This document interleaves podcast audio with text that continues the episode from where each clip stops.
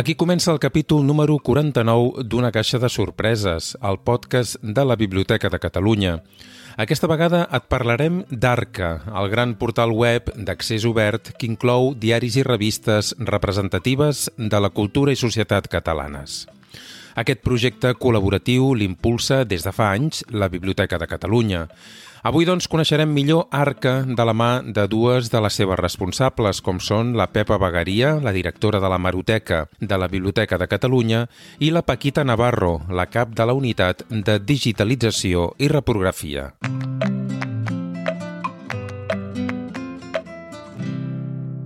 Una caixa de sorpreses, el podcast de la Biblioteca de Catalunya.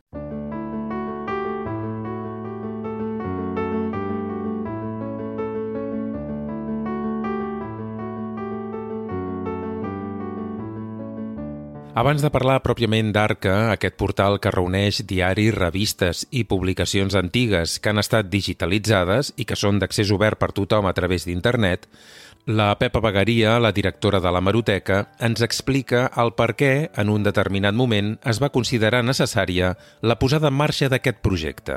M'agradaria posar una mica en antecedents del que seria el germen, podríem dir d'alguna manera, de com va néixer la idea de crear aquest portal.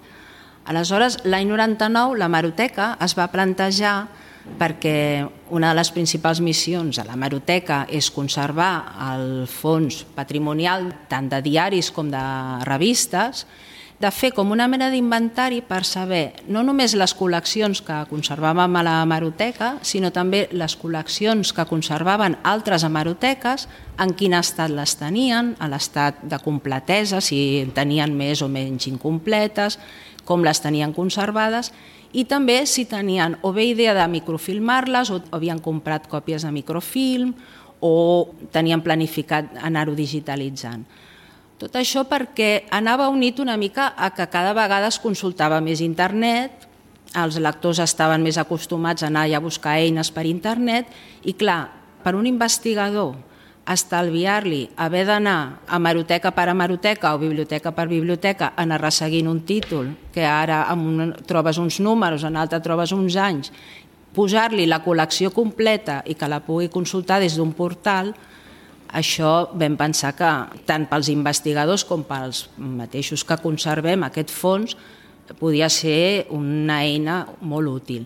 La digitalització de retruc ajudava a minimitzar l'impacte de la manipulació del paper en les publicacions impreses, algunes de les quals eren molt antigues. A més a més d'afavorir la, la consulta, el fet de que es pogués consultar de forma digital estalviaria també l'ús eh, de la versió impresa. Que això no vol dir que qualsevol investigador que vulgui consultar la versió impresa ho pugui fer, però eh, minimitzes el seu ús i, per tant, ajudes a la conservació i a la preservació d'aquests documents, que en alguns casos són molt antics, amb papers molt fràgils, i el fet de la manipulació també te l'estalvies. Després de recollir totes les dades de les diferents institucions i les seves respectives hemeroteques, es va voler crear un inventari que reunís aquestes publicacions digitalitzades. Tot aquest treball de camp que es va fer eh, contactant amb les institucions es va recollir, es va fer un inventari aquest inventari ha anat passant per diferents eh, formats, etc, però es continua mantenint a dia d'avui, que és l'inventari de premsa catalana digitalitzada, i que serveix per també anar recollint doncs, el, les eh, diferents col·leccions que tenen les institucions. Si les institucions tenen planificat anar digitalitzant títols, tots podem saber eh, la idea que tenen les altres institucions perquè no es trepitgin. És una manera també d'estalviar recursos, d'optimitzar-los, no? de dir, doncs, o inclús ajudar si una, una institució té una part d'una col·lecció i l'altra institució té una altra part doncs, per ajudar a completar aquestes. I per tant es continua mantenint, es continua actualitzant aquestes dades i revisant. Un cop completada aquesta feina prèvia, es decideix posar en marxa ARCA, aquest portal de publicacions catalanes històriques. Tota aquesta feina que es va fer era amb la idea de crear un portal. O sigui, aquesta idea, diguéssim, es va començar a materialitzar ja el 2005, encara que no es va, fer públic fins al 2006, tot durant el 2005 es va anar treballant. Es va aconseguir el suport del CSUC, del Consorci de Biblioteques Universitàries de Catalunya, que en aquell moment també s'estava plantejant de fer un portal que era la Memòria Digital de Catalunya, també un repositori no només de revistes i diaris, sinó d'altres col·leccions del patrimoni català, i Arca va ser, diguéssim, una de les primeres que es va penjar també la memòria digital de Catalunya el 2006. Veient el gran volum de dades i d'informació que generava Arca, es va decidir que tingués un espai propi i al cap d'un temps va sortir d'aquest altre gran portal català d'internet que és la Memòria Digital de Catalunya. Arca és un projecte impulsat des de la Biblioteca de Catalunya on hi participen moltes institucions. De les principals o de les primeres, diguéssim, que van començar a col·laborar des del principi va ser l'Arxiu Històric de la Ciutat de Barcelona, l'Ateneu Barcelonès, per exemple, o la Biblioteca de l'Esport aquestes col·laboracions, eh, diguéssim, es van acabar materialitzant en convenis, s'han anat fent convenis amb les diferents institucions i avui dia hi ha un 37. Alguns mm, són convenis que encara estan oberts perquè són institucions que continuen col·laborant o continuen digitalitzant i altres doncs, potser estan tancats perquè ha sigut en un moment concret que s'ha fet el conveni eh, entre aquesta institució per digitalitzar un títol concret eh, i s'ha col·laborat.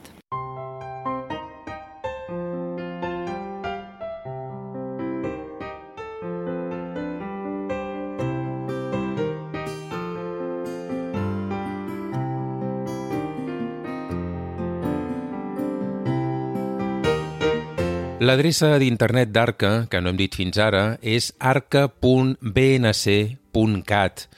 Per cert, ja fa estona que parlem d'aquesta paraula, d'Arca, però crec que no hem comentat encara què s'amaga al darrere d'aquesta sigla. Què vol dir exactament ARCA, Pepa? ARCA vol dir Arxiu de Revistes Catalanes Antigues donava una mica la idea del que volia ser, que era un portal amb revistes eh, que fossin emblemàtiques del patrimoni català, revistes significatives i essencials també pels investigadors, i antigues perquè en principi es volia que totes fossin revistes tancades, vol dir revistes que ja no es publiquen, i completes, o com a mínim que la col·lecció fos el més completa possible, perquè alguna vegada alguns títols que són una mica més rars, fins i tot mm, fent contactes en diferents institucions, no hem trobat que ningú tingui eh, el número 4.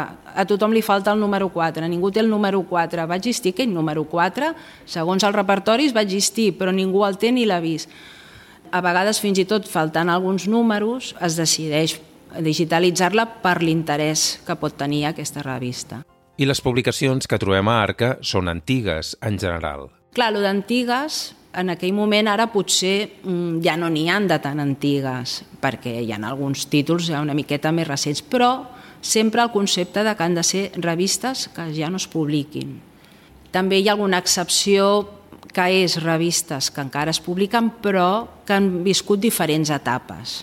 I aleshores s'han fet l'etapa, diguéssim, fins l'any 39, va tenir una primera etapa, potser després amb la guerra no van sortir o van canviar de títol, allò que passa sempre amb les revistes, i després, a partir dels anys 80, es van tornar a publicar, per exemple, la revista de Catalunya, per, com a exemple. No? En alguns casos, l'interès que tenien aquelles revistes doncs, ha fet que sí que es digitalitzi la primera etapa, que de fet es pot considerar tancada, però que en alguns casos aquestes revistes ara es continuen publicant. Però això són les excepcions. Vull dir, la idea sempre és aquesta, revistes completes i que ja no es publiquin. Pepa, ens estàs parlant tota l'estona de revistes, però a Arca també hi trobarem diaris, oi? Revistes i diaris, sí. O publicacions periòdiques, o publicacions en sèrie. Els primers diaris i revistes que es van triar per formar part d'Arca eren les que es van considerar més emblemàtiques i també aquelles publicacions que es trobaven en un estat de conservació que aconsellava que la seva consulta fos digital per minimitzar el desgast del paper. Uns quatre gats, un pel i ploma, un de Sidallà, i manera de Nova York, o sigui, la flaca, títols emblemàtics i que es podien considerar com la col·lecció inicial i també diaris, que eren diaris de molt ús, amb molts volums, que alguns anys més antics estaven en un estat de conservació més complicat, i clar, doncs un diari de Barcelona, una veu de Catalunya, un diluvio, la, la humanitat, hi havia una sèrie de títols que hi havia un, diguéssim, un quòrum de que havien de ser-hi, amb tota la feina que això podia representar. Després d'aquells primers títols, n'han vingut molts altres. A banda d'això, diguéssim, també s'han anat afegint eh, revistes i diaris eh, locals. No n'hi han tantes, però també n'hi han d'altres poblacions, no tot és Barcelona.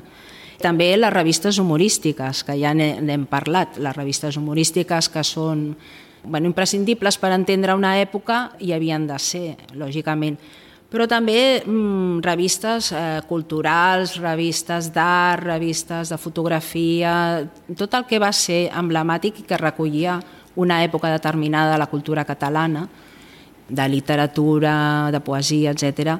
Les més representatives també hi havien de ser i fins i tot revistes infantils, el Patufet, el Virolet, la Mainada, revistes infantils també n'hi ha, revistes especialitzades de medicina, de cinema, i fins i tot revistes d'associacions, bolletins d'associacions, el mateix bolletí la Biblioteca de Catalunya o de l'Ateneu Barcelonès, d'entitats que en el seu moment també van ser representatives i treien el seu bolletí o la seva memòria doncs, també s'ha intentat fer.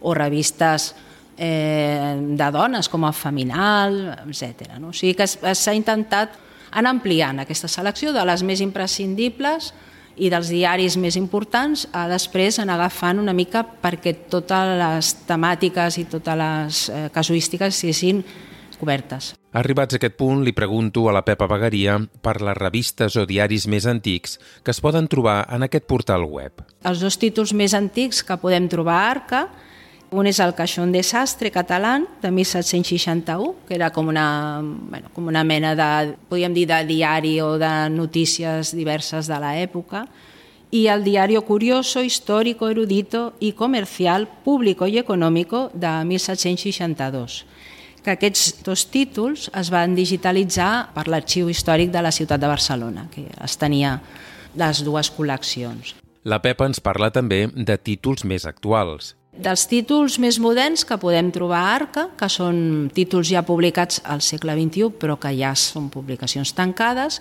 podem trobar girant a 78 revolucions per minut, 78 RPM és el títol en realitat, que es va publicar entre 2002 i 2010. És una revista musical.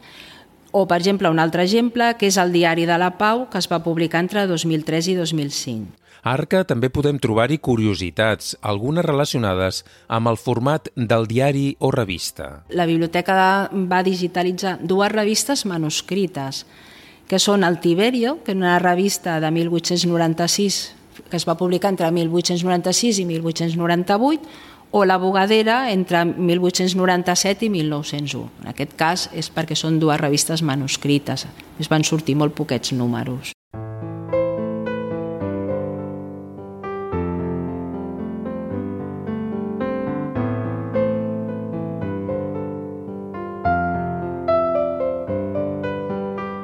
Ara és moment d'endinsar-nos a Arca. Si teniu un ordinador a prop o amb el mòbil mateix, aneu al web arca.bnc.cat i escoltem plegats la Paquita Navarro que ens explica com podem navegar-hi.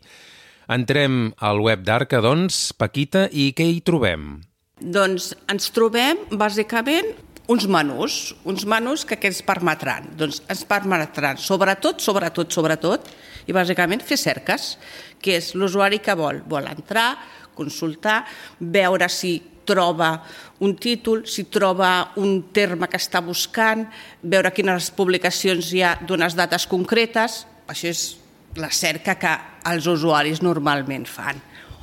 Llavors, què trobem? Doncs trobem la possibilitat de fer una cerca, una cerca simple, que bàsicament serà per títol, per autor, autors en el cas de les revistes, la veritat és que hi ha pocs, però alguns n'hi han.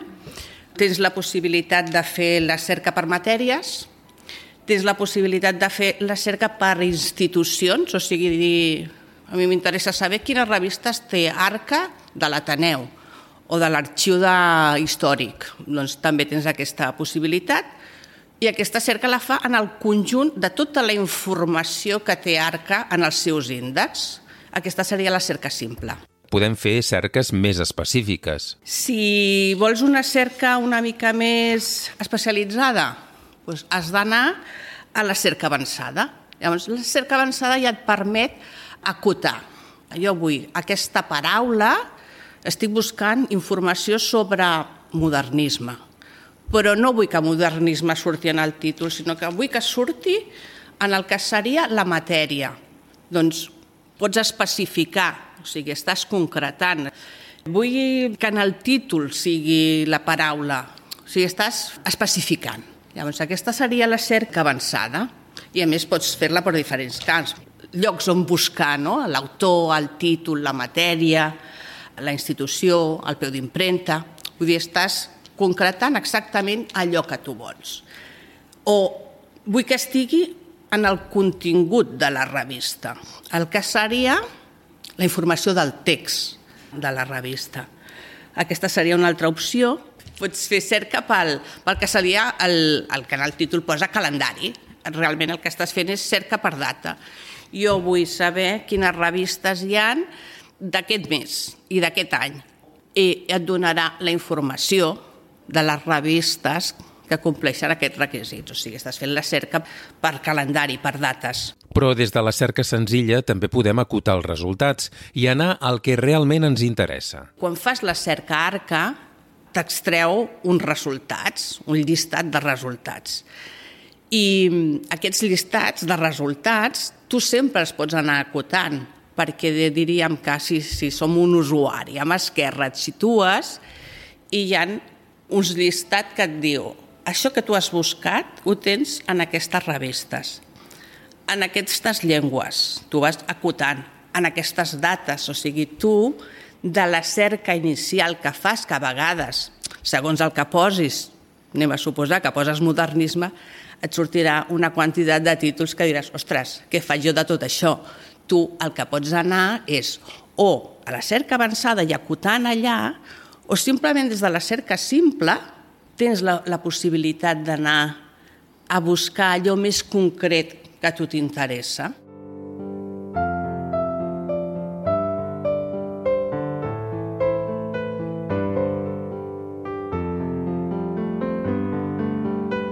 Pots fer cerques com si estiguessis llegint.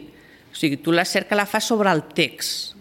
O sigui, tot el text que té la revista se li ha fet un, un reconeixement de text que el que et fa és que tu puguis fer la cerca, perquè si no tens únicament una imatge que pots llegir si visualitzes, però no fer cerques. Doncs amb aquest procés de, de reconeixement el que et fa és traspassar la informació a text. En el moment que t'ha traspassat aquesta informació a text és quan et, se't permet fer cerques. I això jo diria que és un dels valors més importants d'Arca, que tu pots fer una cerca sobre tot el contingut de les revistes. Tot i que el cercador d'Arca és molt potent i funciona molt bé, s'han de tenir en compte alguns condicionants. Aquests processos són processos automàtics. Vol dir que no es reconeix normalment al 100%, o sigui que hi ha un índex d'errors. I això és important tenir-ho en compte. Vol dir que si tu fas la cerca, i et diu que hi han 40 resultats, hi han 40 resultats, sí, però n'hi poden haver alguns més. S'ha de tenir en compte que segons la digitalització, si és més bona, haurà, el reconeixement serà, haurà estat millor, segons el tipus de paper, segons l'any de publicació, clar, tot això són factors que influeixen a l'hora de fer aquest reconeixement. L'usuari n'ha de ser conscient que fer la cerca no vol dir que estiguis recuperant sempre el 100% dels resultats. T'ajuda moltíssim, però n'hem de ser conscients. Continuem navegant a través del web arca.bnc.cat descobrint alguns àmbits d'aquest portal web. Desplegant la pestanya de la cerca bàsica, hi trobarem dos apartats. D'una banda, el calendari, on podem posar una data concreta que volem consultar o bé un període d'anys que ens interessen, i també hi podem trobar l'apartat Llocs, un àmbit, aquest últim, que pot ser molt curiós de consultar. En aquí el que et surt és ciutats, país i ciutat, on estan publicades tots els títols que hi ha a Arca. Eh, si més no, és una curiositat perquè et permet, doncs, per exemple, eh, doncs dir quines revistes que estan dins d'Arca, per tant, d'àmbit català, ja sigui per llengua o per publicació o per temàtica, s'han publicat, doncs, per exemple, a Cuba. Només hi ha una, eh? Tampoc no... és, la, és la curiositat o a França, que per exemple a França sí que a París n'hi ha, tenim un parell, vull dir, és una mica l'interès aquest que pots tenir de dir, ostres, on s'han publicat coses relacionades amb, amb l'àmbit català. Si mirem el menú que trobem a la franja grisa que hi ha situada a la part superior de la pàgina d'inici d'Arca, hi trobem també un àmbit que porta per títol Línia del temps. El que fa és que ens situa les diferents publicacions et permet molt veure per èpoques quan es publicaven més, perquè el que et surt realment és, són els títols de les publicacions. Això, quan entrem a la línia del temps, ho veurem a la part de dalt i tu al anar passant veus, mira, al principi, a l'any 1800 i alguna només tenim dues. L'apartat del 1920, 1930, 40 és on veus que hi ha més publicacions. Quan anem avançant també en tenim menys. Llavors et situes una mica visualment quines èpoques tenim més publicacions. A banda d'aquesta visualització, sí que cada un dels títols té una petita ressenya. És un afegit al que seria la, la revista en si. Petites ressenyes, excepte en dos casos. En el cas de, de Destino i la veu de Catalunya, que en el seu moment se'ls va fer com un apartat molt més específic, és una web que en aquestes webs de la veu i destina sí que trobareu molta més informació. A part de poder accedir als números, doncs hi ha estudis fets per especialistes sobre aquests dos títols. Just a la dreta d'aquest apartat, de la línia del temps, hi trobem els monogràfics. Els monogràfics són estudis, recopilacions de revistes d'una temàtica en concret. En aquests moments doncs, en tenim dos, un monogràfic de revistes humorístiques i un altre de revistes d'avantguarda de temes artístics. I pròximament està previst fer un, un monogràfic sobre la premsa diària. Li demano a la Paquita Navarro també si ens pot donar algunes dades en relació a Arca, quants títols hi ha, per exemple, o quin volum d'informació hi podem trobar. En aquests moments a Arca tenim prop de, de 500 títols i un total de 2.900.000 imatges, imatges que serien l'equivalent a, a pàgines. I el total de, de participants, d'institucions participants a Arca, són 37. Totes aquestes dades estadístiques es poden consultar queden una mica amagades, però sí que hi són, a Arca, consultables, estan a la, a la part de, de sota del que seria el portal, i allà veuré totes aquestes dades. Un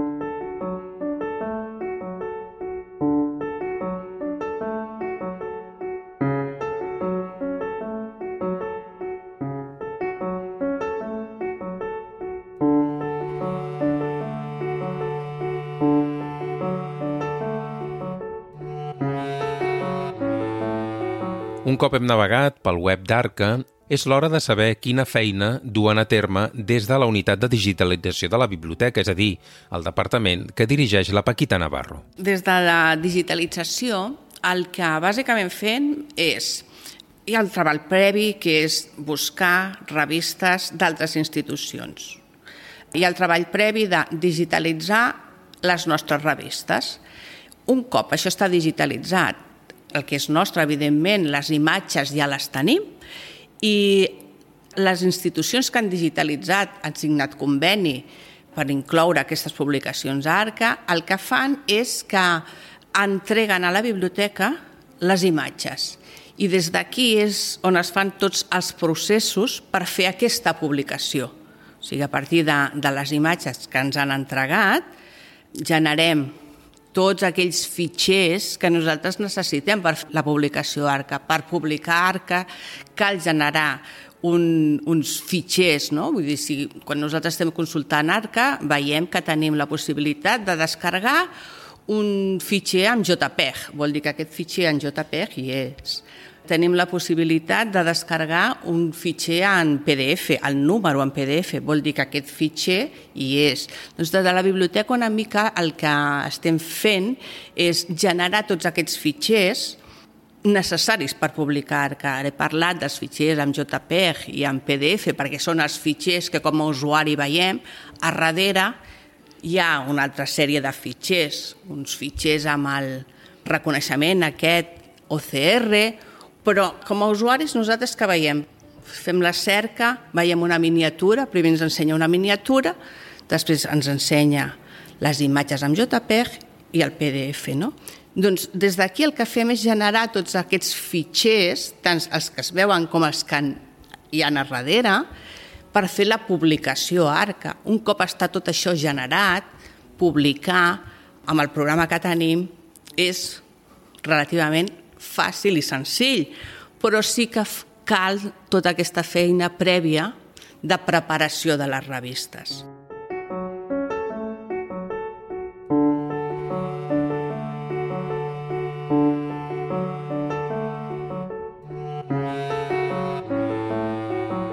el que és la digitalització la fan normalment, quan parlem de grans volums, la fan empreses externes, sí que hi ha tot un procés previ per part de, de Maroteca, de revisions, però a l'hora de digitalitzar sempre surten incidències, incidències que s'han d'anar resolent.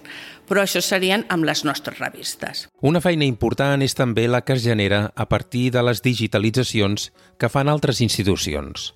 El que nosaltres fem tenim molt marcat com ho fem, com ho volem, com ens ho han d'entregar, les estructures, els noms de, de les imatges, els noms dels PDFs, ho tenim tot com molt marcat. Clar, Arca què passa? Que rep títols, títols vol dir fitxers, d'altres institucions. I aquí cada institució té la seva casuística de com numera, com no numera, com ordena, depèn de la institució, està millor o està pitjor, pitjor per nosaltres, per ells no, per ells segurament els hi està bé, però a l'hora de, de rebre tota aquesta informació s'ha de preparar. O sigui, s'ha de preparar per poder fer una pujada al programa que gestiona actualment ARCA. I aquí hi ha un volum de feina molt important depenent del que rebem. També s'haurà de revisar que hi sigui tot, que no falti cap número ni tampoc cap pàgina de totes aquelles publicacions que s'entreguen digitalitzades.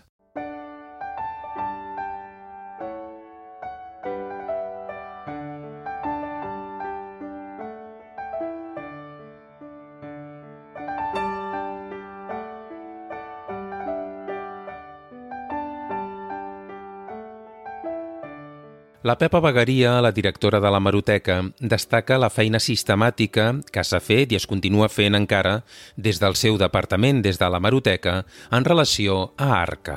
Aquesta feina que es fa des de Maroteca, de primer fer la selecció o la pentinada del que ens queda en el nostre fons, veure després en quin estat, quines condicions està, buscar quants números vas publicar, calcular el número de pàgines perquè això els hi serveixi després amb ells a digitalització per poder calcular després què es podrà fer o no, perquè clar, s'està preparant, després es podrà fer de més o de menys, però ja ho tindrem preparat. Després ho has de, això, comprovar el dipòsit, mirar com poden sortir incidències de coses que al principi creiem que estaven completes perquè estaven enquadernades i en el seu moment no, es, mm, no hi havia els mitjans que tenim ara per preservar, precisament, i hi havia èpoques que la biblioteca, qualsevol biblioteca, enquadernava els volums sense tenir-los complets. I això en el catàleg i en lloc constaven, aquesta falta te la trobes quan t'ho poses a mirar. No? A més de les feines de seleccionar i revisar els títols per comprovar que no falti cap número o bé per completar alguna col·lecció amb altres institucions, des de Maroteca, un cop els títols estan digitalitzats i pujats a Arca, es cataloga l'edició en línia. S'adjudica el número d'ISSN corresponent i es fan les ressenyes necessàries que s'inclouen posteriorment en la línia del temps. Fins ara hem parlat d'Arca, de com va néixer i com podem fer servir aquest recurs per consultar publicacions catalanes històriques, però aquest projecte segueix en marxa. Cap a on va Arca, Pepa? El projecte segueix viu. De fet, aquest any es començaran ara a digitalitzar, s'ha fet una selecció de títols, s'ha fet un concurs i hi ha la possibilitat de continuar digitalitzant es van digitalitzar amb una subvenció del Ministeri de Cultura ja una part del Noticiero Universal l'any passat i aquest any es continuarà una altra part del Noticiero Universal. Per tant, i això ja, ja serà un gran volum d'imatges.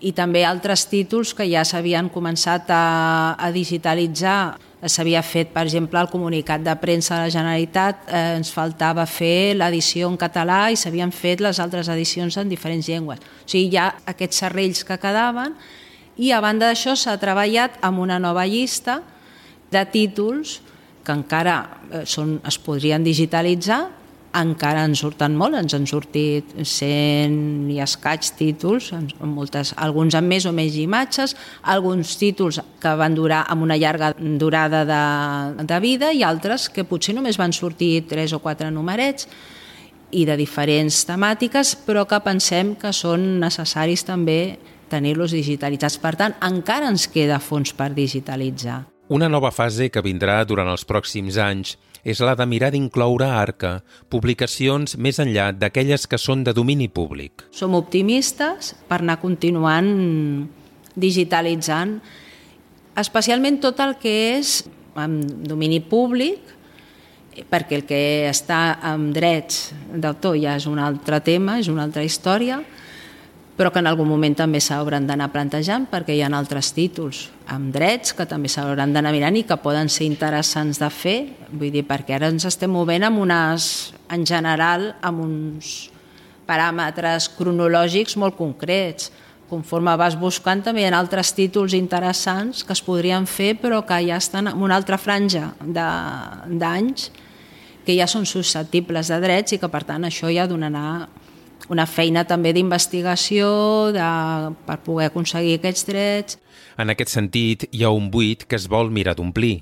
Perquè si no ara ens trobem amb una paradoxa, que és tenim a partir d'un any, digue-li segle XXI, finals del segle XX, que ja està, pots trobar molta informació, molts títols a la xarxa, i gràcies a aquests repositoris que s'han fet en Arca i els que tinguin altres institucions, podem ja trobar aquestes publicacions, diaris i revistes diguéssim, de, abans de la Guerra Civil cap a enrere, alguna una miqueta més o 40, però després hi ha un altre buit en general de molt poques revistes i diaris que puguis trobar tant de les 50, dels 60, dels 70, dels 80, revistes que també complirien els paràmetres, que són revistes que ja no es publiquen, tancades, i, i que poden ser revistes emblemàtiques també de la cultura catalana. Un Oriflama, per exemple, podria ser el 11, que és una revista que la vam estar ara mm, treballant a la Maroteca amb, amb el donatiu que va arribar del Valentí Castanys i que era la continuació del Xut.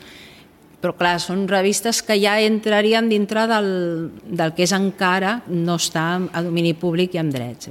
Aquest buit, diguéssim, s'ha de també d'anar replantejant i anar però que encara hi ha molta feina a fer i molts títols que podrien ser interessants de tenir i que segurament els investigadors ho agrairan si hi són.